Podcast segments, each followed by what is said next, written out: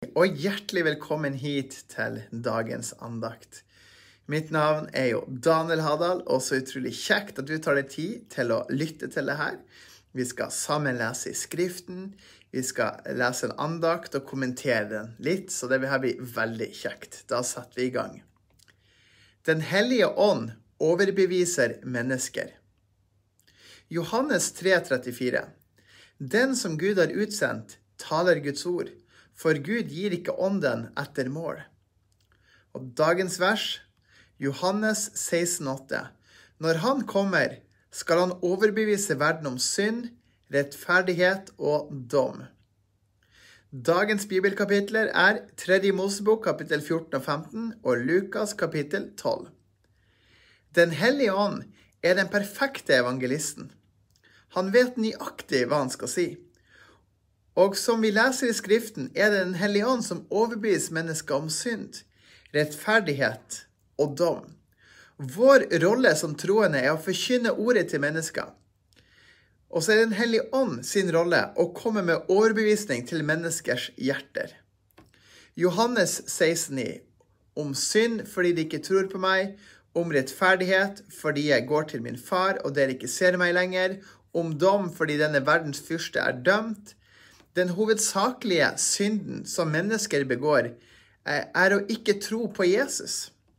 Derfor er Den hellige ånd aktiv med å tale til menneskers hjerter, enten det er gjennom Bibelen, Guds ord, samvittighet, indre ledelse osv. Den hellige ånd taler også til deg. Han er talsmannen, og ofte kan vi forveksle han med noe annet. Men om vi lar han veilede oss, så vil han gjøre det. Det er noe av det Den hellige ånd gjør. Han leder oss gjennom Jesuslivet. Han er òg sannhetens ånd. Derfor vil det være en indikasjon av sannhet når Den hellige ånd taler. Når du deler din troshistorie med noen, enten om det er på bussen, på skolen, i kirken, på gata eller lignende, vil Den hellige ånd være med deg. Han vil gjøre sitt for å røre ved menneskers hjerter. Det kommer an på hvor åpne mennesker er for evangeliet. Men mange har en lengsel. Og når folk sier at de kjenner en berørelse på innsiden av hjertet eller en sensasjon av en sterk indre fred, så er det Den hellige ånd som rører ved mennesker. Det samme hvis noen får syndenød, der de hører evangeliet, og plutselig så angrer de på syndene sine, og så ønsker de å bli frelst og få tilgivelse. Hva skjedde da? Jo, personen ble rørt av Den hellige ånd. Den hellige ånd har valgt å samarbeide med de troende. Derfor er det vi som ber for mennesker, forteller om Jesus og deler evangeliets budskap. Så vil Den hellige ånd da ha noe å jobbe med. Guds ord går aldri tomhendt tilbake. Husk på det når du deler om Jesus eller forteller ditt vitnesbyrd, at Den hellige ånd er med deg. Spørsmål du kan stille deg. På hvilken måte overbeviser Den hellige ånd om synd? Hvordan kan du vitne for andre sammen med Den hellige ånd? Også ord fra Herren taler til deg som at eh, Herren talte deg direkte. Om du kjenner deg motløs, så skal du vite at jeg er med deg og slipper aldri taket på deg. Jeg er ånden som gir kraft, styrke, mot, kjærlighet og innsikt. Vær med meg, så vil jeg fylle deg opp med min dyrebare kjærlighet, nåde, fred og styrke. Jeg er med deg. 1. Timoteus 1,7. For Gud har ikke gitt oss en motløshetens ånd, men kraftens, kjærlighetens og sindighetens ånd. Amen. Yes, så flott. Da har vi fått lest andakten her og skal kommentere litt det, og det at Den hellige ånd overbeviser mennesker. Så det er jo sånn at Den hellige ånd er jo Gud, og han er kommet. Og Den hellige ånd er på jorda.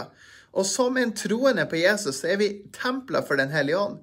Og da bor Den hellige ånd i oss. Det vil si at vi kan ha fellesskap med Den hellige ånd, vi kan snakke med Den hellige ånd, og vi kan virkelig få lov til å ha kjennskap til Han. Johannes 3,34 sier at den som Gud har utsendt, taler Guds ord, for Gud gir ikke ånden etter mål. Det vil si at det er ikke noen begrensninger for hvor mye du kan erfare Den hellige ånd. Det er ikke noen begrensninger på hvor mye du kan kjenne Den hellige ånds nærvær, vandre i Den hellige ånds kraft eller, eller, noe sånt, men det er ubegrensa tilgang vi har, rett og slett. Det handler om å virkelig søke etter Guds rike, få, få lov til å få Den hellige ånd på, på over seg, og virkelig bli kjent med Den hellige ånd. Så du kan se at Den hellige ånd er som en skatt som vi har fått. og han kan vi få lov til å bli kjent med. Mange kristne lever hverdagen sin uten å ha kontakt med Den hellige ånd, uten å anerkjenne Den hellige ånd, uten å samarbeide med Den hellige ånd, uten å snakke med Den hellige ånd, uten å ha noe med Den hellige ånd å gjøre, selv om Den hellige ånd bor i dem. Så, så, det er så veldig lett liksom å bare leve livet uten å tenke på at Den hellige ånd er til stede. Men Den hellige ånd er med deg om du vil eller ikke. Han er med deg overalt fordi at du er Guds levende tempel. Men du kan si at Den hellige ånd, hva er hans rolle, rett og slett? Jo, det ene er at han skal, han skal overbevise verden om synd, rettferdighet og dom. Eh, det er noe han skal gjøre, og han er jo den perfekte evangelisten, rett og slett. Så han, han gjør det. Så når vi liksom deler om Jesus til mennesker, eller mennesker leser Guds ord, så er det sånn at Den hellige ånd så overbeviser dem. Han overbeviser om synd fordi de ikke tror på Jesus, om rettferdighet fordi at Jesus går til far fordi de ikke ser ham lenger, og denne verdens fyrste er dømt. Så det, det, er viktig, det. Og Den hellige ånd han gjør det, det han får mulighet til. Så hvis folk åpner opp hjertet sitt, så kan Den hellige ånd jobbe i hjertet deres. Hvis folk åpner opp eh, seg for Den hellige ånd, så kan Den hellige ånd jobbe i livet deres. Så det er noe vi kan forstå og tenke på og ta til oss. Så Den hellige ånd han er en talsmann, han taler til deg. Og det er veldig lett egentlig å forveksle med noe annet. Ofte hvis du på en måte kan tenke den stille stemmen, som du gjerne kan kalle for iblant samvittighet, det kan gjerne være Den hellige ånd, som taler til deg direkte. Han forteller ting. For han er all visdommen. Han vet alt sammen. Og han er den som er til stede. Så Den hellige ånd trenger vi i hverdagen for å gå i Guds kraft, for å gå i styrke. Og Samme òg hvis du deler litt vitnesbyrd med noen, og, og de blir berørt, så er det gjerne en hellig ånd som gjør det. Hans jobb er å overbevise venner om synd og, og virkelig herliggjør Jesus, og det er noe han gjør. Og så kan vi få lov til å samarbeide med en hellig ånd i det vi gjør, både i hverdagen, eh, dit vi går, og, og på det områdene som vi har i livet vårt. Og det er til velsignelse, det er til styrke, og det er til eh, Guds godhet. Så vi må huske på det. Og 1. Timoteus 1,7, hvor det står For Gud har ikke gitt oss en motløshetens ånd, men kraftens, kjærlighetens og sindighetens ånd. Det er det han har gitt oss. Så la oss huske på det, og la oss trakte etter det. Da skal vi ta og lese i Skriften. Og vi skal gå over og lese til Lukas kapittel 12. Har du Bibel, gjerne slå opp sammen med meg i Bibelen. Gjør det.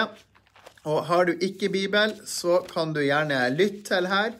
Um, hvis du ikke har Bibel tilgjengelig, vi skal nå slå opp her i Lukas kapittel 12, takk og lov, og lese videre om Jesus. Det er en fantastisk velsignelse akkurat nå. Det vi skal lese om her, er da i Lukas kapittel 12. Vi skal lese om det med, med å vokte seg for hykleri. Det at Jesus underviser om gudsfrykt, det å bekjenne Kristus for mennesker. Lignelsen om den rike dåren skal vi lese om, og det å ikke være bekymra og den trofaste og onde tjeneren, og det at Kristus bringer splittelse. Forstå tida, og slutt fred med den du ligger i strid med. Så det er de følgende tingene vi skal lese. Må bare klø litt på øyet. Ja. Amen. Takk og lov. Yes.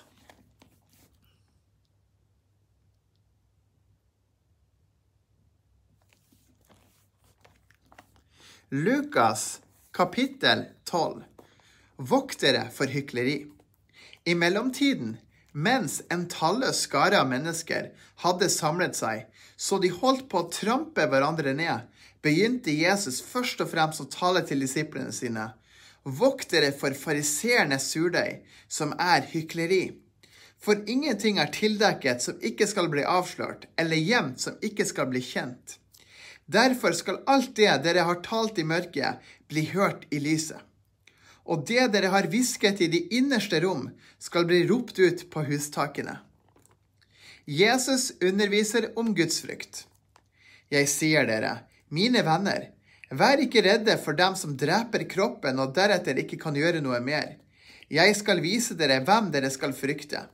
Frykt for ham som etter å ha slått i hjel, har makt til å kaste i helvete. Ja, jeg sier dere, ham skal dere frykte. Blir ikke fem spurver solgt for to kobbermynter? Og ikke en av dem er glemt av Gud. Men til og med hårene på deres hode er talt, alle sammen. Frykt derfor ikke. Dere er mer verd enn mange spurver. Bekjenn Kristus for mennesker. Jeg sier dere, Hver den som kjennes ved meg for menneskene, skal menneskesønnen også kjennes ved for Guds engler. Men den som fornekter meg for menneskene, skal bli fornektet for Guds engler. Hver den som taler et ord mot menneskesønnen, skal bli tilgitt. Men den som spotter Den hellige ånd, skal ikke bli tilgitt. Når de fører det til synagogene, dommerne og myndighetene, så vær ikke bekymret for hvordan eller hva dere skal forsvare dere med, eller hva dere bør si. For Den hellige ånd skal lære dere i samme stund hva som skal sies.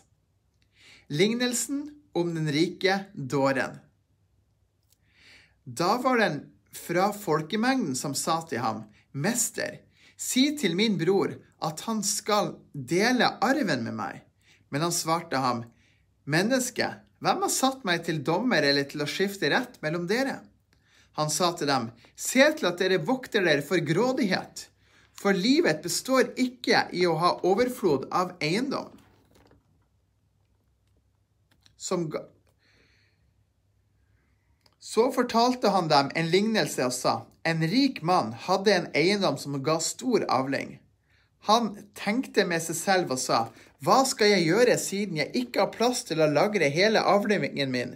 Da sa han, Dette vil jeg gjøre. Jeg vil rive ned lovene mine og bygge større, og der vil jeg lagre hele avlingen og alt jeg eier. Jeg vil si til min sjel, sjel, du har mye godt lagret for mange år. Slå deg til ro, spis, drikk og vær glad. Men Gud sa til ham, du dåre. I denne natt blir din sjel krevd av deg. Hvem skal da ha alt det du har skaffet deg? Slik er det med den som samler verdier til seg selv, men ikke er rik i Gud. Vær ikke bekymret. Så sa han til disiplene sine, derfor sier jeg dere, vær ikke bekymret for livet, hva dere skal spise, og heller ikke for kroppen, hva dere skal ha på dere. Livet er jo mer enn maten, og kroppen er mer enn klærne. Se på ravnene, de verken sår eller høster.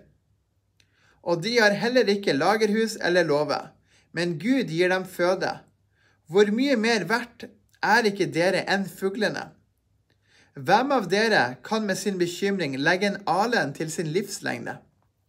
Hvis da dere ikke engang makter å gjøre det minste, hvorfor er dere da engstelige for alt det andre? Se på liljene, hvordan de vokser. De verken strever eller spinner. Likevel sier jeg dere, selv ikke Salomo i all sin prakt var kledd som en av dem. Hvis Gud er på den måten kler gresset som er på marken i dag og blir kastet i ovnen i morgen, hvor mye mer skal han ikke da kle dere som har så liten tro? Søk ikke hva dere skal spise eller drikke, vær ikke engstelige. For alt dette søker folkeslagene i verden etter, og deres far vet at dere trenger alt dette.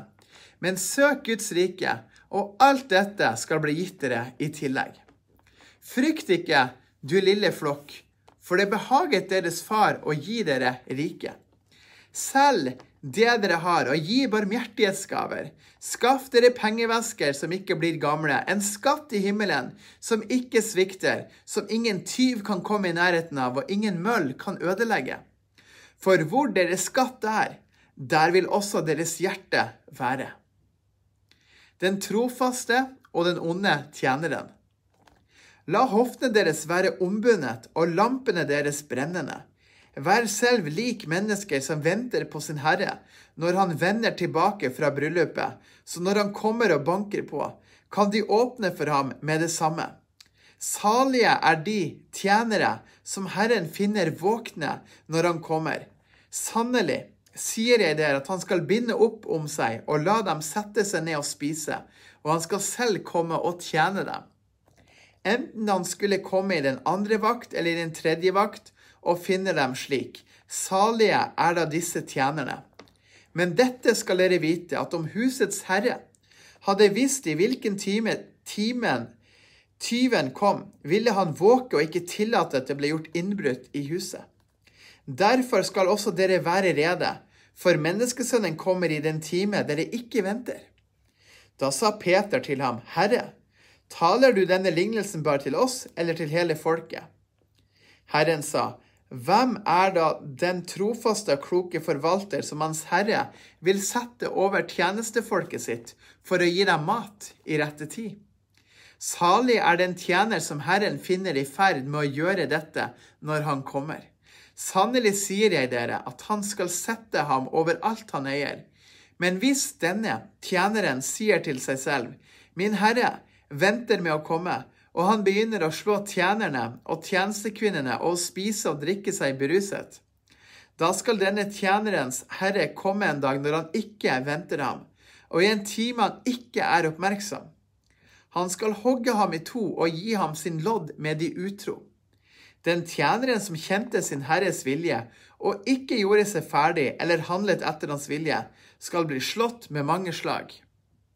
Men den som ikke kjente til den, men likevel gjorde det som fortjente slag, han skal få færre slag.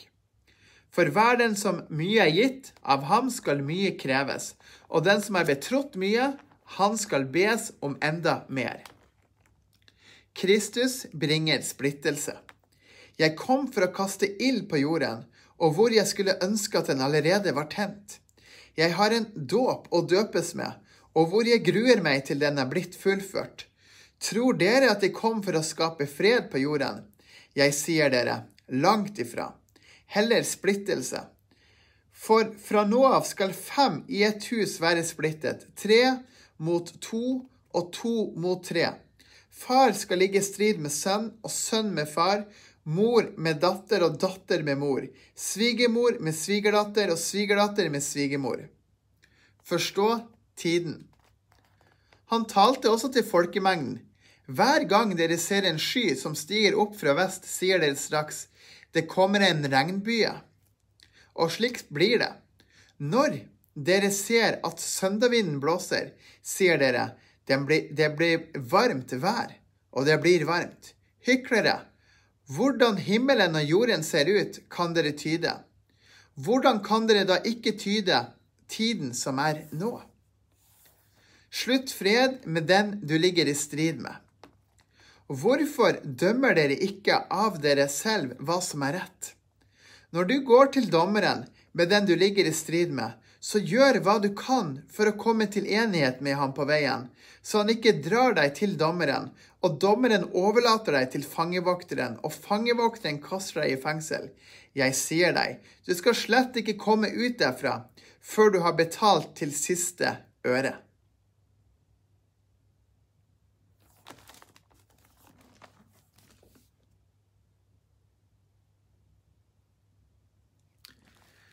Amen. Her leste vi i Lukas kapittel 12. Og noe av det Jesus snakker om, er å ikke være bekymret. Jeg vet ikke om du bekymrer deg mye, men Jesus sier at vi ikke skal bekymre oss for morgendagen, ikke bekymre oss for hva som skal skje i fremtida, men at vi bare skal stole på Gud. Fordi at fuglene ikke sant, de kan jo ikke samle og høste mat osv., men de får spise. Og på den måten skal vi huske på at Gud, som virkelig tar vare på oss, og ta vare på dyrene, hvor mye mer skal han ikke ta vare på oss, på oss, liksom? Det står her i vers 30.: For alt dette søker folkeslagene i verden etter, og deres far vet at dere trenger alt dette. Men søk Guds rike, og alt dette skal bli gitt dere i tillegg. Så når du velger å søke Guds rike, så skal du få alt i tillegg. Du skal få Guds velsignelse, favør, nåde og det du trenger i hverdagen. Og så sier Jesus her i vers 34 for hvor deres skatt er, der vil også deres hjerte være. Så der, der hjertet ditt er, der er også skatten din. Så det er sånn, hvis ditt fokus er på materialistiske ting osv. på verden, så vil skatten din være der.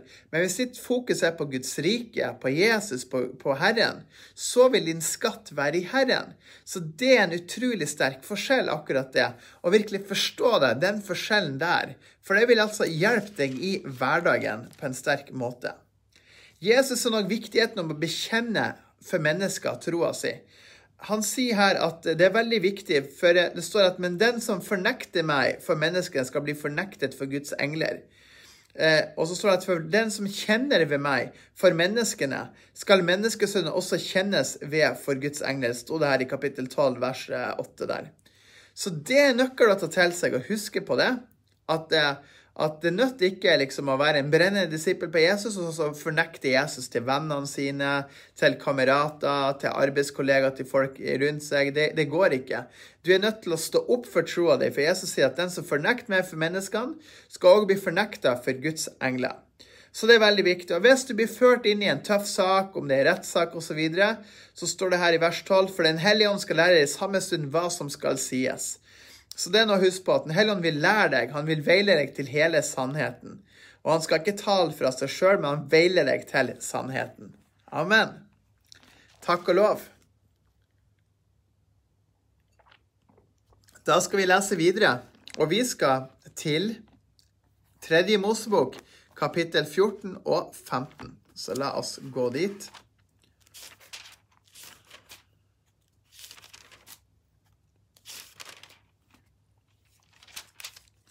Kapittel 14 i tredje Mosebok så er det lover om renselse etter hudsykdommer. Loven om sopp på hus. 15 så er det lover om utflod fra kroppen. Ja, så det skal vi eh, kose oss med. All right.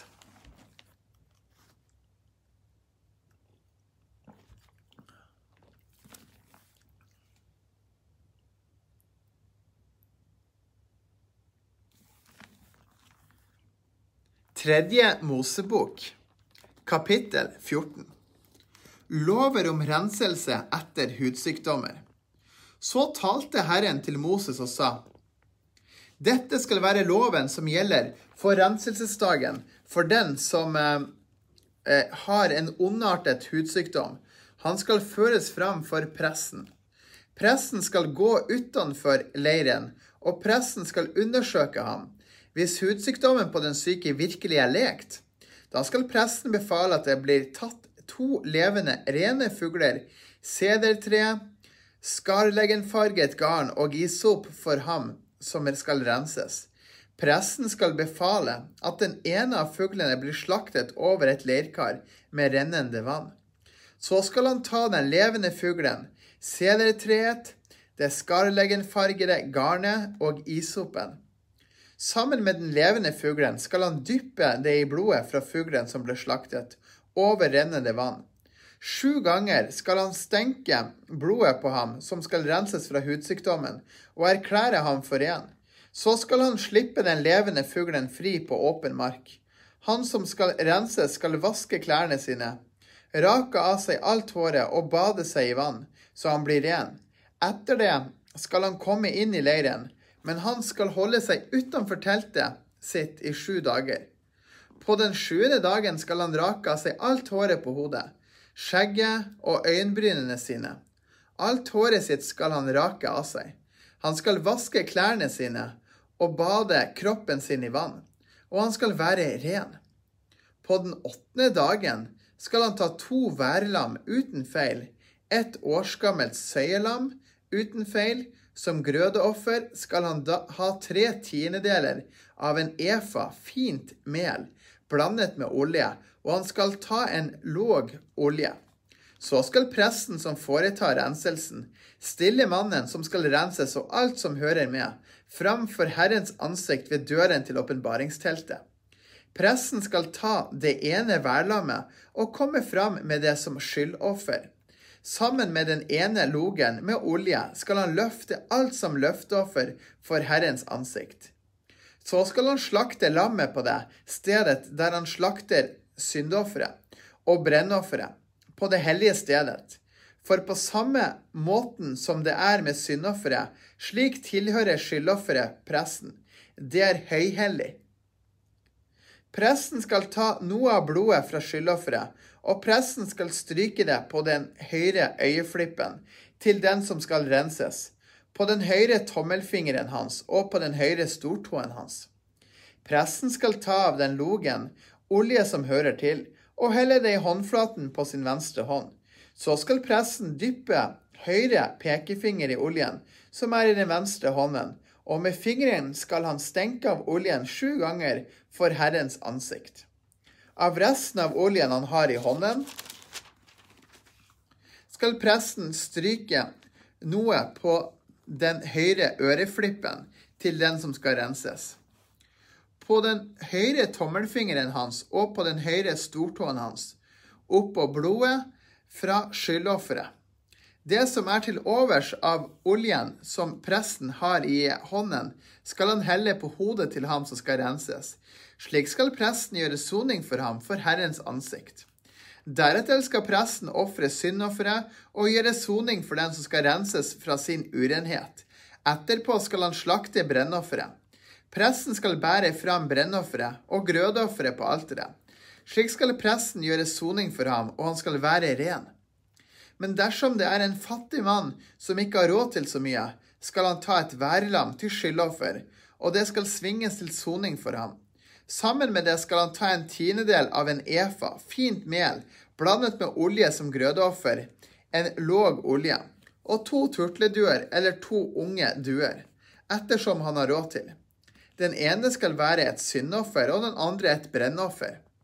Han skal komme til presten med alt dette på den åttende dagen av renselsen sin, til døren til åpenbaringsteltet, for Herrens ansikt.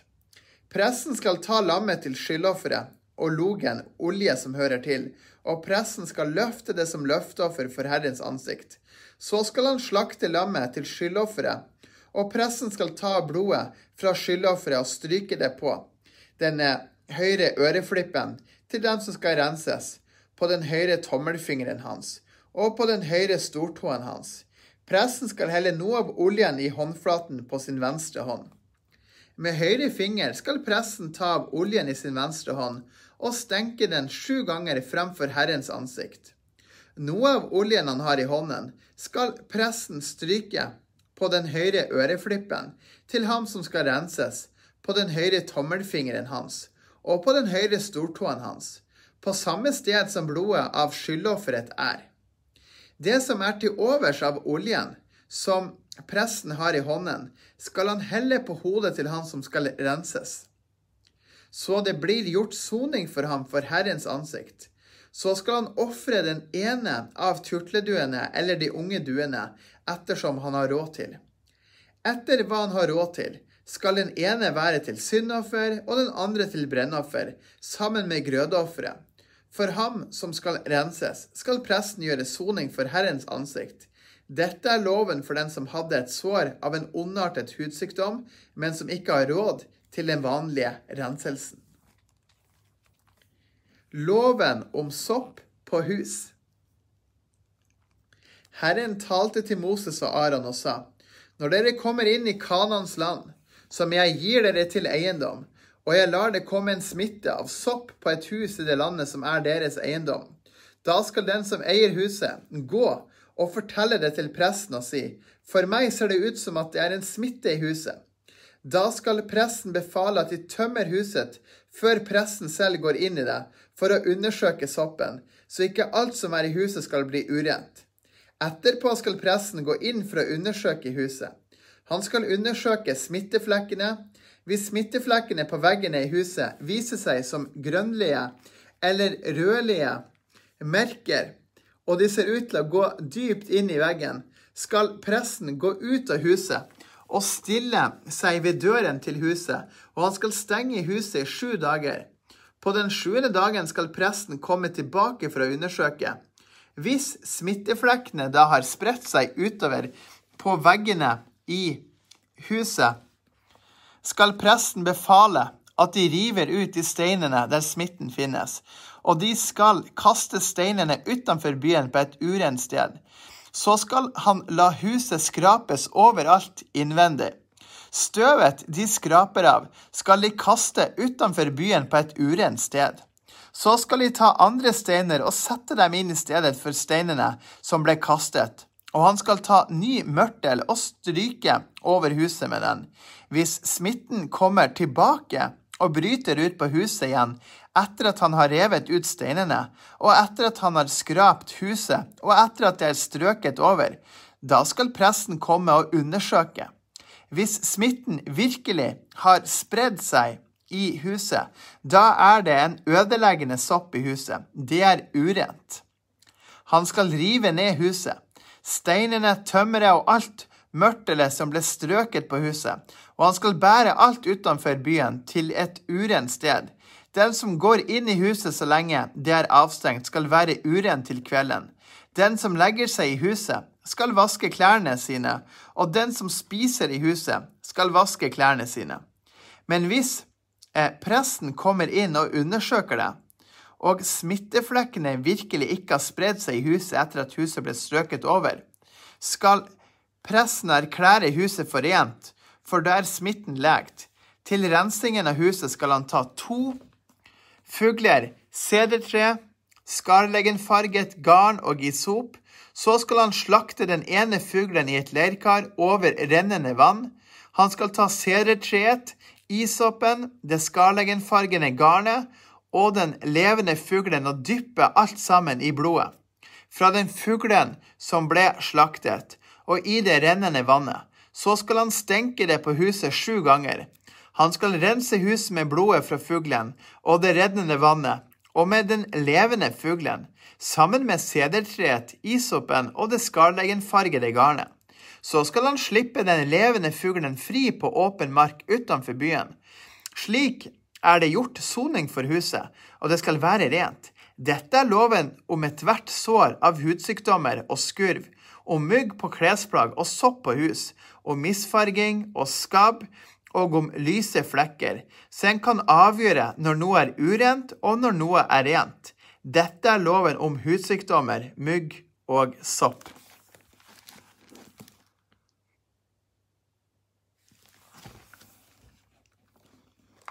Halleluja. Takk, Jesus.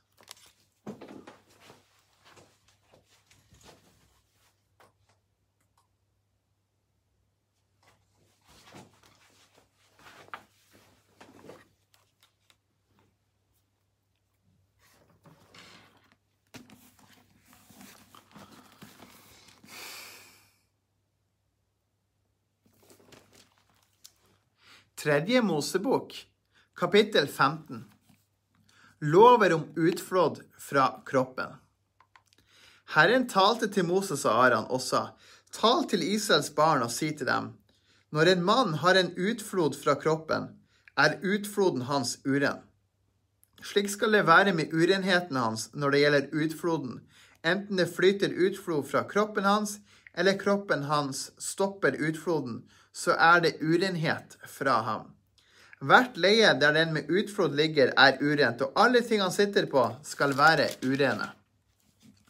Den som rører ved leiet hans, skal vaske klærne sine og bade seg i vann og være uren til kvelden. Den som sitter på noe som den med utflod har sittet på, skal vaske klærne sine og bade seg i vann og være uren til kvelden. Den som rører ved kroppen til den med utflod, skal vaske klærne sine og bade seg i vann og være uren til kvelden. Hvis den med utflod spytter på en som er ren, da skal han vaske klærne sine og bade seg i vann og være uren til kvelden. Enhver sadel som den med utflod rir på, skal være uren. Enhver som rører ved noe som var under ham, skal være uren til kvelden. Og den som bærer noen av disse tingene, skal vaske klærne sine og bade seg i vann og være uren til kvelden. Enhver som har med utflod, rører ved, uten at han har skylt hendene sine i vann, skal vaske klærne sine og bade seg i vann og være uren til kvelden. Ethvert leirkar han med utflod rører, skal knuses, og ethvert kar av tre skal skylles i vann. Når den med utflod er renset for utfloden sin, skal han regne sju dager for renselsen. Han skal vaske klærne sine og bade kroppen sin i rennende vann.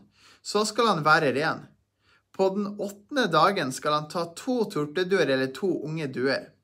Han skal komme frem for Herrens ansikt ved døren, til åpenbaringsteltet, og gi dem til presten.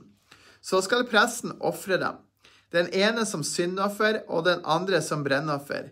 Slik skal presten gjøre soning for ham for Herrens ansikt på grunn av utfloden hans. Hvis en mann får sædutløsning, skal han bade hele kroppen i vann og være uren til kvelden.